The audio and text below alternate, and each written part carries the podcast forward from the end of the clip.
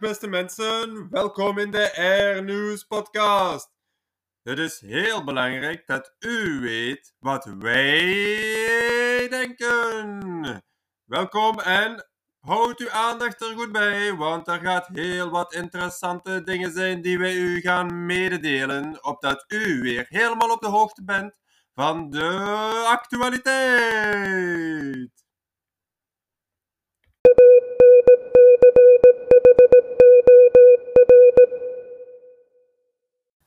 Dit is de Air News podcast van woensdag 22 december en ik ben Bart Nijs.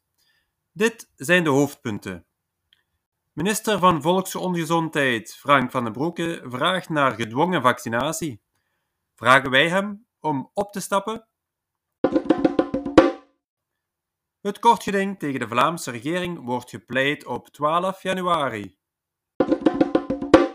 In bakkerij Laarmans in Kesselo is vlak voor de opening dinsdagochtend brand uitgebroken in één van de ovens. Ik hoop dat de minister van Binnenlandse Zaken dit niet gehoord heeft, want anders zou hij misschien alle broodovens verbieden. Omdat er eentje in brand vloog. Stel je voor. Coronacijfers dalen. En toch wil het overlegcomité verstrengen. Waar zijn die politici mee bezig? Wat ligt op tafel? Welk advies gaf de Gems? Aalst carnaval is geannuleerd wegens een coronapandemie, paniekcrisis overal. Blik op de cijfers. 28.000 overlijdens sinds het begin van deze pandemie. Pande, pande wat? Hoe betrouwbaar zijn sneltests? Besmettingscijfers in scholen zijn gedaald tijdens twee weken voor de vervroegde kerstvakantie. De Amerikaanse president Joe Biden heeft een nieuwe hond en ook Bart Nijs heeft een nieuw huisdier. De inflatie van de consumptieprijzen op Cuba zal in 2021 oplopen tot 70% Inwoners van de EU kochten voor ongeveer 1000 miljard euro waarde aan cryptomunten in het afgelopen jaar. Roularta Media Groep neemt de Nederlandse media-uitgever New School Media over. De onvermijdelijke normalisering van het monetaire beleid betekent een nieuw tijdperk voor België.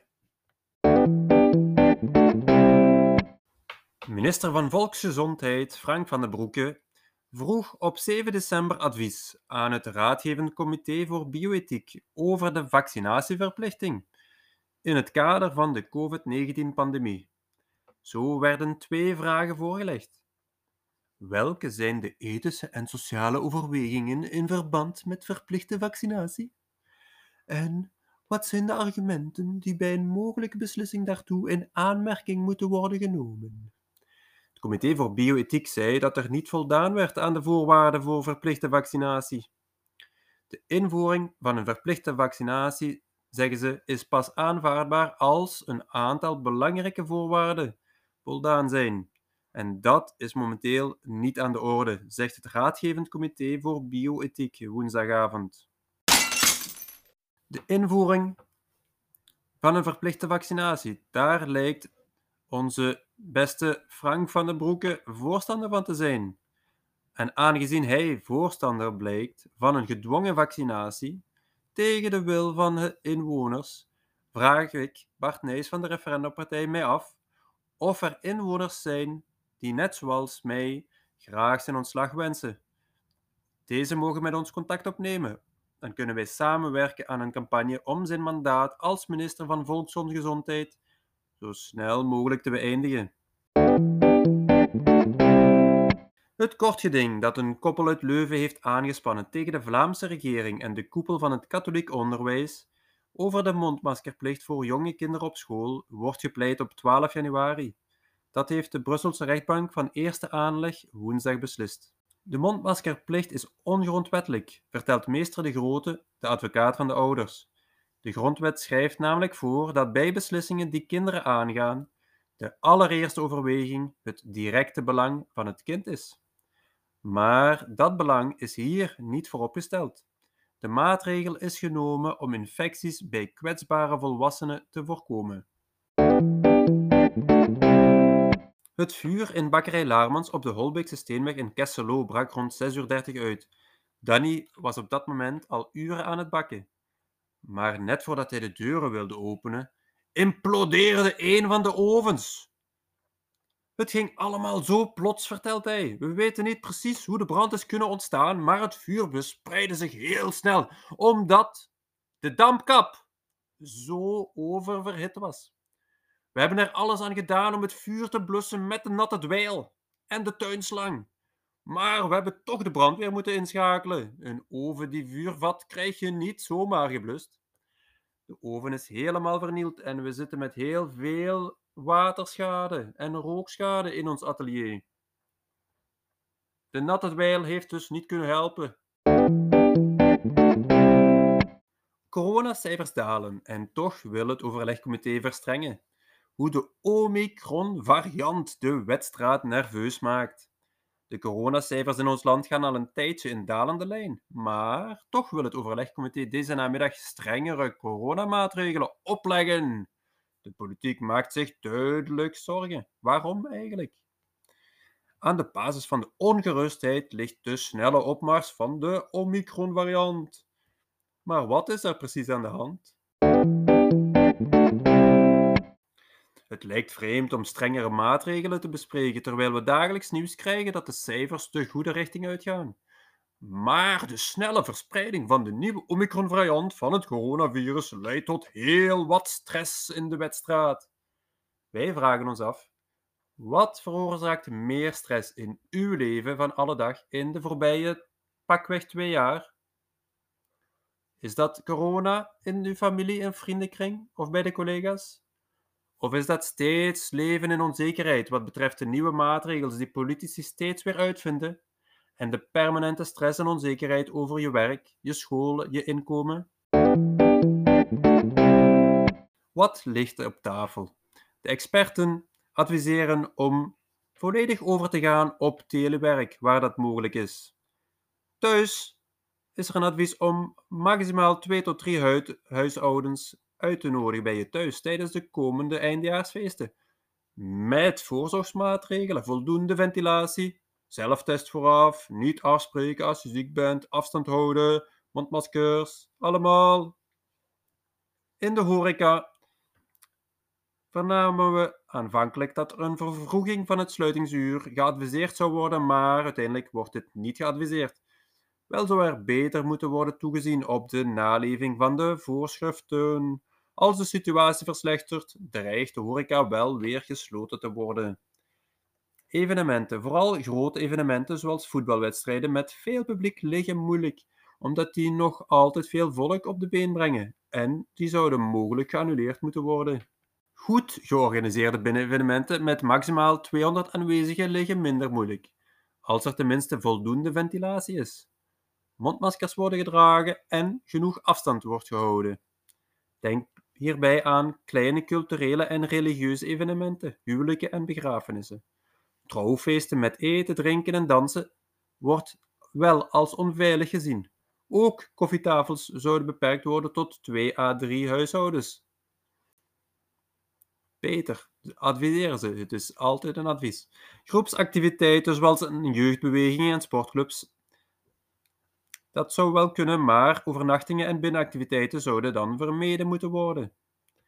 Winkelen zou beperkt moeten worden tot winkelen met maximaal twee personen of één huishouden. Als de situatie verslechtert, zou alleen winkelen nog mogen worden toegelaten als je alleen gaat. Tijdens deze drukke periode van kerstshoppen en in de aanstaande koopjesperiode moet er worden op toegezien dat er niet te veel shoppers bijeenkomen in de winkelstraten. Een capaciteitsbeperking van 50% in het openbaar vervoer met inzet van extra bussen wordt aangeraden. Testen en maskers. Zelftesten zouden beschikbaar gemaakt moeten worden, bijvoorbeeld drie zelftesten per persoon, en FFP2-maskers zouden beschikbaar gemaakt moeten worden voor mensen met een zwakke gezondheid. Zou u voorstander zijn van het stoppen van de GEMS, vragen wij ons af, en het stoppen zetten van de overlegcomité's en het eindelijk normaliseren van dit politiek wanbeleid? Het trekt er toch niet meer op. Kunnen we eindelijk investeren in de zorg en gezond leven, in plaats van investeren in repressie, angst, controle, testing en tracing? Kan de belastingbetaler eindelijk meebeslissen over hoeveel geld er naar deze maatregelen mag gaan?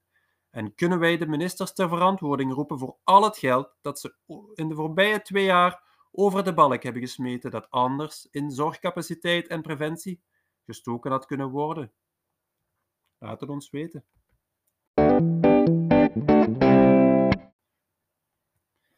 De veiligheidscel van Aalst heeft beslist dat ook de volgende editie van Aalst Carnaval geannuleerd wordt door de coronapandemie en het oprukken van de Omicron-variant.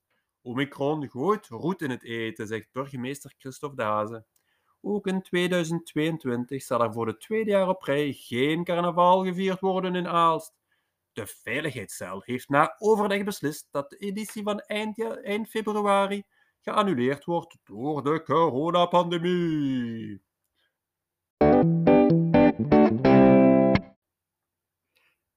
Een blik op de cijfers. Nog 8.300 bevestigde besmettingen per dag. Sinds begin van de pandemie zijn er meer dan 28.000 overlijdens.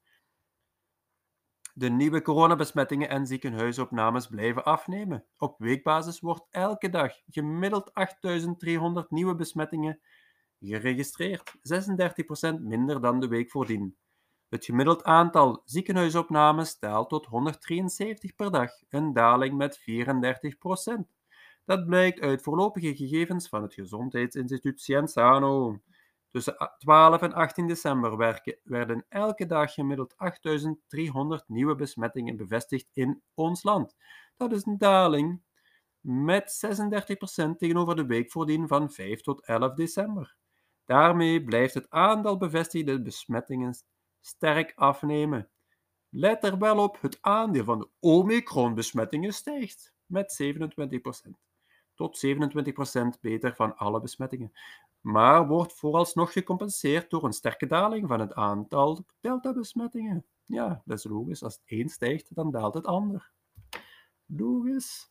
Maar 28.000 overlijdens sinds het begin van de coronapandemie is dat nu zo een enorm cijfer. Wat denkt u daarvan? Laat het ons weten. Hoe betrouwbaar zijn sneltests? Vijf journalisten testen positief op een sneltest, maar negatief op de PCR-test.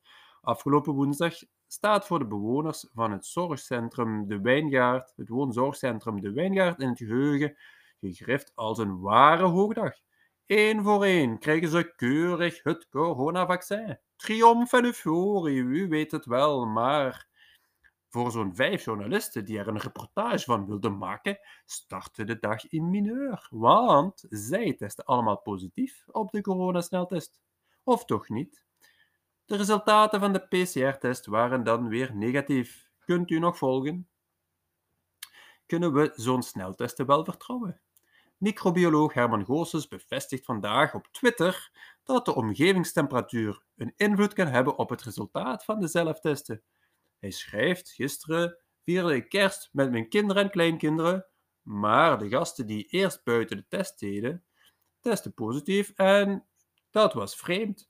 Maar we hebben toen iedereen naar binnen gehaald en binnen werd het negatief. Super, het probleem is opgelost.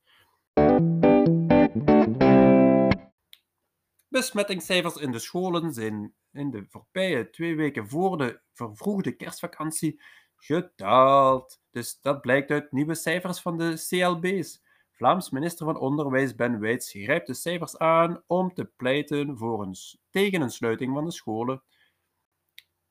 Tussen maandag 6 en zondag 19 december legden 22.935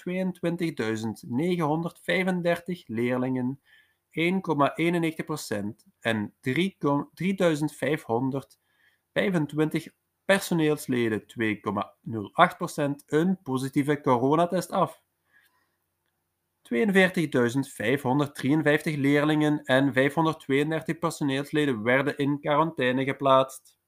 De Amerikaanse president Joe Biden heeft een nieuwe hond in het Witte Huis. Biden heeft de puppy Commander voorgesteld met een foto en een kort filmpje op Twitter. Biden nam na zijn inauguratie twee Duitse herders Major en Champ mee naar het Witte Huis. Champ die stierf afgelopen zomer. En Major haalde de krantenkoppen na incidenten met personeel van het Witte Huis. Zo zou hij een lid van het veiligheidsteam van Biden gebeten hebben. De hond woont nu vooral in het huis van de familie in Wilmington, in de staat Delaware. First Lady Jill Biden had in het voorjaar al aangekondigd dat er binnenkort ook een kat in het Witte Huis zou komen. Een woordvoerster heeft nu tegen CNN gezegd dat dat voor januari is. Dit nieuws haalde zowat alle grote kranten en ook de VRT bericht erover. Nu zouden we hen ook graag laten weten dat ook Bart Nijs, ikzelf, ik een nieuw huisdier heb en dat ze daar iedereen over inlichten. Want ik, ik ben bewoner van een, niet een wit, maar een rood huis en ik heb een nieuw huisdier, een spin, en ik noem hem dokter. Hij is heel erg ijverig en hij maakt een mooi web om gevaarlijke muggen buiten te houden. Aangezien ik niet houd van muggenprikken, heb ik echt een heel goede band met deze spin. Dat het nu winter is en dat er bijna geen muggen meer rondvliegen, dat is niet zo belangrijk. Net zoals het onbelangrijk is dat de overheid al 25 jaar ziekenhuisbedden laat verdwijnen door een onderfinanciering van de zorg en het sluiten van ziekenhuizen blijkbaar verdedigbaar is ondanks en een steeds grotere groep 60-plussers in onze samenleving. De inflatie van de consumptieprijzen op Cuba zal in 2021 oplopen tot 70%. Dat heeft de minister van Economie dinsdag bekendgemaakt bij de presentatie van zijn jaarrapport aan het parlement. Een groot deel van de stijging is volgens hem te wijten aan het feit dat de regering de prijzen sinds januari met 44% heeft verhoogd in het kader van een monetaire hervorming. Dat heeft ook geleid tot een enorme stijging van de lonen. Het minimumloon werd in januari vastgelegd op 2100 pesos per maand, ongeveer 87 dollar. En tegen het eind van het jaar zal het gemiddeld maandloon gestegen zijn tot 3934 pesos, ongeveer 163 dollar per maand. Volgens de minister is de inflatie ook te wijten aan externe factoren. De coronapandemie en de verscherping van het Amerikaans economisch embargo onder president Donald Trump, waar ook Joe Biden niet op is teruggekomen. Cryptomunten. Europa is de grootste crypto-economie van de wereld volgens Chainalysis. De regio kocht ongeveer voor 1000 miljard dollar waarde aan cryptomunten in het afgelopen jaar. Dat is goed voor 25% van de wereldwijde activiteit. De VS is de tweede grootste regio met een aankoop voor ongeveer 750 miljard uh, aan euro. Dit is eigenlijk een beetje een vreemde berichtgeving hier van de VRT. Het ene schrijven ze in dollar en de andere in euro's. Uh, maar het zou goed zijn voor ongeveer 18% van de wereldwijde aankoop in cryptomunten. Europa is hiermee de grootste liquiditeitsverschaffer in de globale cryptomarkten. De groei van Europa wordt gedreven door institutionele investeerders die grote transacties van meer dan 10 miljoen per keer uitvoeren. In juli 2020 waren de institutionele beleggers goed voor 1,4 miljard dollar aan volume en een jaar later was dat gegroeid naar 46,3 miljard dollar. Roularta Media Groep neemt de Nederlandse mediauitgever New School Media over en wordt daarmee eigenaar van zowat C20 magazinemerken in Nederland, waaronder EW en Beleggersbelangen. New School Media boekt een omzet van ongeveer 45 miljoen euro en heeft 170 voltijdse werknemers in dienst. Roularta wordt met de overname, samen met de andere RMG-magazinewerken Plus Magazine en Landleven, de op één na grootste uitgever van magazinemerken in Nederland. Het staat in de sterren geschreven dat het monetaire beleid moet normaliseren. Deze onvermijdelijke normalisering van het monetaire beleid in de Europese Unie betekent een nieuw tijdperk voor België, zegt professor Mark de Vos. Aan de ene hand zijn er economen die de inflatie vooral eenmalig en voorbijgaand vinden, te wijten aan de plotse heropleving na de pandemie, aan tijdelijke bevoorradingsproblemen aan, van energie en aan een piek in de aankoop van goederen in plaats van diensten en aan overbelaste toevoer- en transportketens. Aan de andere kant zijn er economen die zeggen dat de inflatie een blijver is. Het klimaatbeleid betekent meer vraag naar investeringen, grondstoffen, nieuwe industrie en al dat dergelijk meer. Fossiele energie en de uitstoot van broeikasgassen zullen duurder worden. Ook het internationale transport zal duurder worden. Als het menens is met de relance, dan staan we voor een decennium extra groei via overheidsinvesteringen. De tanker van de globalisering keert richting regionale verankering en dat betekent zowel nieuwe investeringen als duurdere producten. Verder zorgt de vergrijzing voor talentschaarste en wordt arbeid dus duurder. Dit zal ingrijpende gevolgen hebben voor de begroting en het beleid in België. Wij willen u vragen: wilt u meewerken met de studiedienst van de Referendumpartij voor een beter monetair beleid en een beter politiek beleid? Stel uzelf dan kandidaat. Het nieuws zou geen nieuws zijn zonder weerbericht. Algemene luchtgesteldheid. Een hoge drukgebied boven Centraal- en Zuidoost-Europa strekt zich uit over onze contraien en bepaalt tijdelijk ons weer in gunstige zin. Een koude en vrij droge, stabiele luchtmassa wordt daardoor boven ons land gehandhaafd. Tegen donderdag komen we onder invloed van een Atlantische depressie die geleidelijk koers zet richting Ierland en het zuidwesten van Engeland. Verschillende storingen trekken dan vanaf het zuiden over het land en met een aantrekkende zuidelijke tot zuidwestelijke wind wordt er dan gevoelig zachtere lucht aangevoerd. Ook in het kerstweekend wordt het waarschijnlijk zacht en nat, al komt de wintergrens boven Nederland te liggen. Woensdagavond. Vanavond en vannacht blijft het droog en neemt de middelhoge bewolking verder toe vanaf het westen.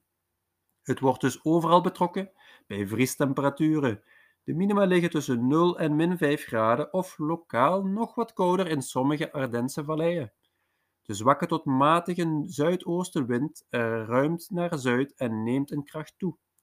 Donderdag wisselen opklaringen en wolkenvelden elkaar af, maar in de loop van de namiddag schuiven er steeds meer lage wolkenvelden ons land binnen, vanaf het westen.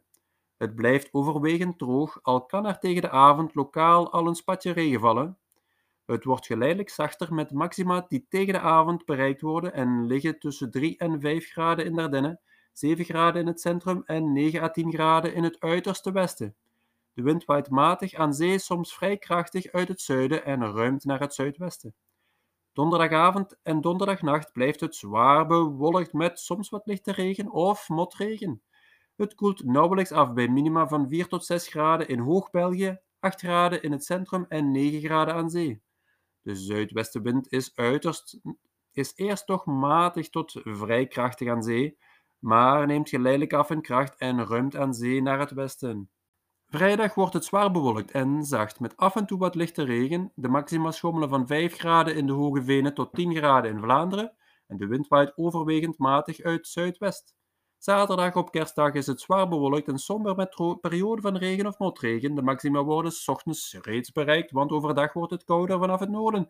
Rond de middag is het zo'n 4 graden aan de Nederlandse grens tot 9 graden aan de Franse grens. Het is niet uitgesloten dat in het noorden van het land de neerslag in de loop van de dag een winters karakter krijgt en de wind is zwak tot matig uit Bezuiden, Samber en Maas is de wind zuidwestelijk tot veranderlijk en zwak. En ook zondag is het zwaar bewolkt en somber met soms regen of motregen. De maxima liggen rond 9 graden in het centrum. Dankjewel voor het luisteren. Ik ben Bart Nijs en dit was de Air Nieuws podcast. Heeft u zelf nog een bericht voor ons? Spreek het in.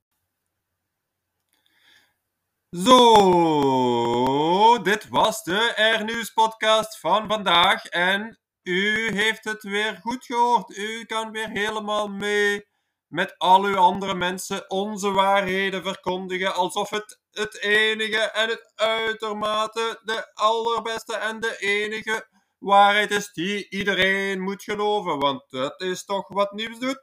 Dankjewel voor het luisteren naar de Air Nieuws podcast en tot een volgende keer.